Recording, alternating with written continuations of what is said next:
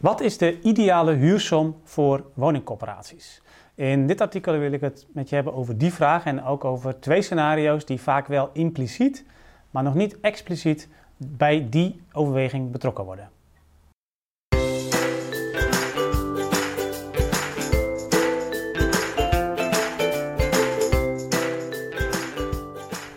Ja, wat is de ideale huursom voor corporaties?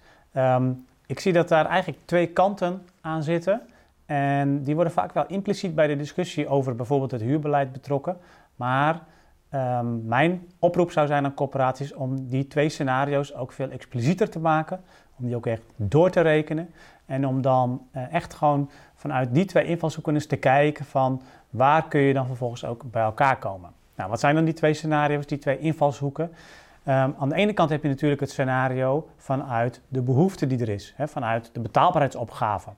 Dus ga in eerste instantie eens kijken en ga ook doorrekenen. Wat zou er gebeuren als je nou echt, hè, dat kun je bijvoorbeeld doen op basis van uh, nieuwe budgetten of op andere manieren.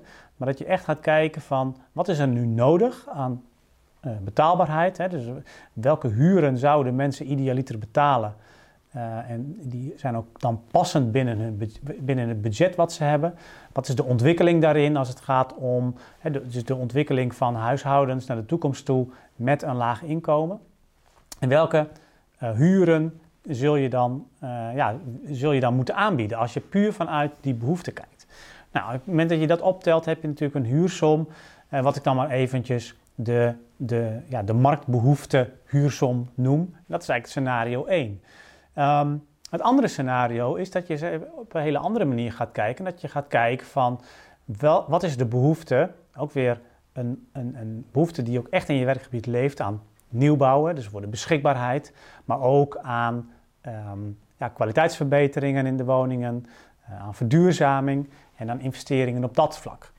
Dus als je kijkt van um, ja, wat is dan eigenlijk, wat heb ik nodig aan, uh, of wat, wat zou ik moeten doen aan investeringen? En eh, dan kun je vervolgens gaan kijken welke huursom heb ik dan nodig om dat te kunnen realiseren.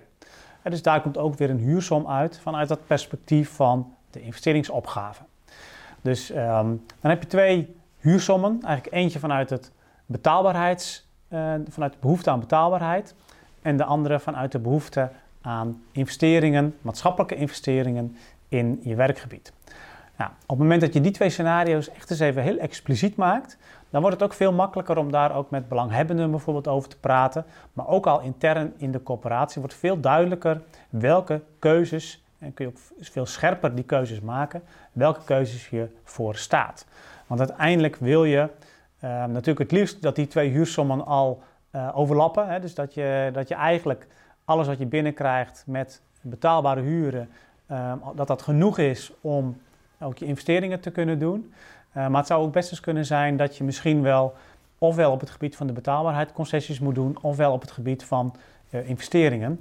En op het moment dat je die twee scenario's als eerste eens even heel goed uitrekent en doorrekent, kun je ook, hard, uh, ja, kun je ook goed formuleren welke keuzes je maakt en wat het je ook kost om bijvoorbeeld meer te investeren, of wat, je, of wat het je kost aan de andere kant om meer betaalbare woningen ja, in exploitatie te blijven houden en op die manier ook te exploiteren. Nou, ik denk dat het een heel goed instrument is om ook uh, zowel intern als extern die discussie uh, te voeren en ook om veel transparanter te maken welke keuzes je als corporatie maakt vanuit je maatschappelijke opgave.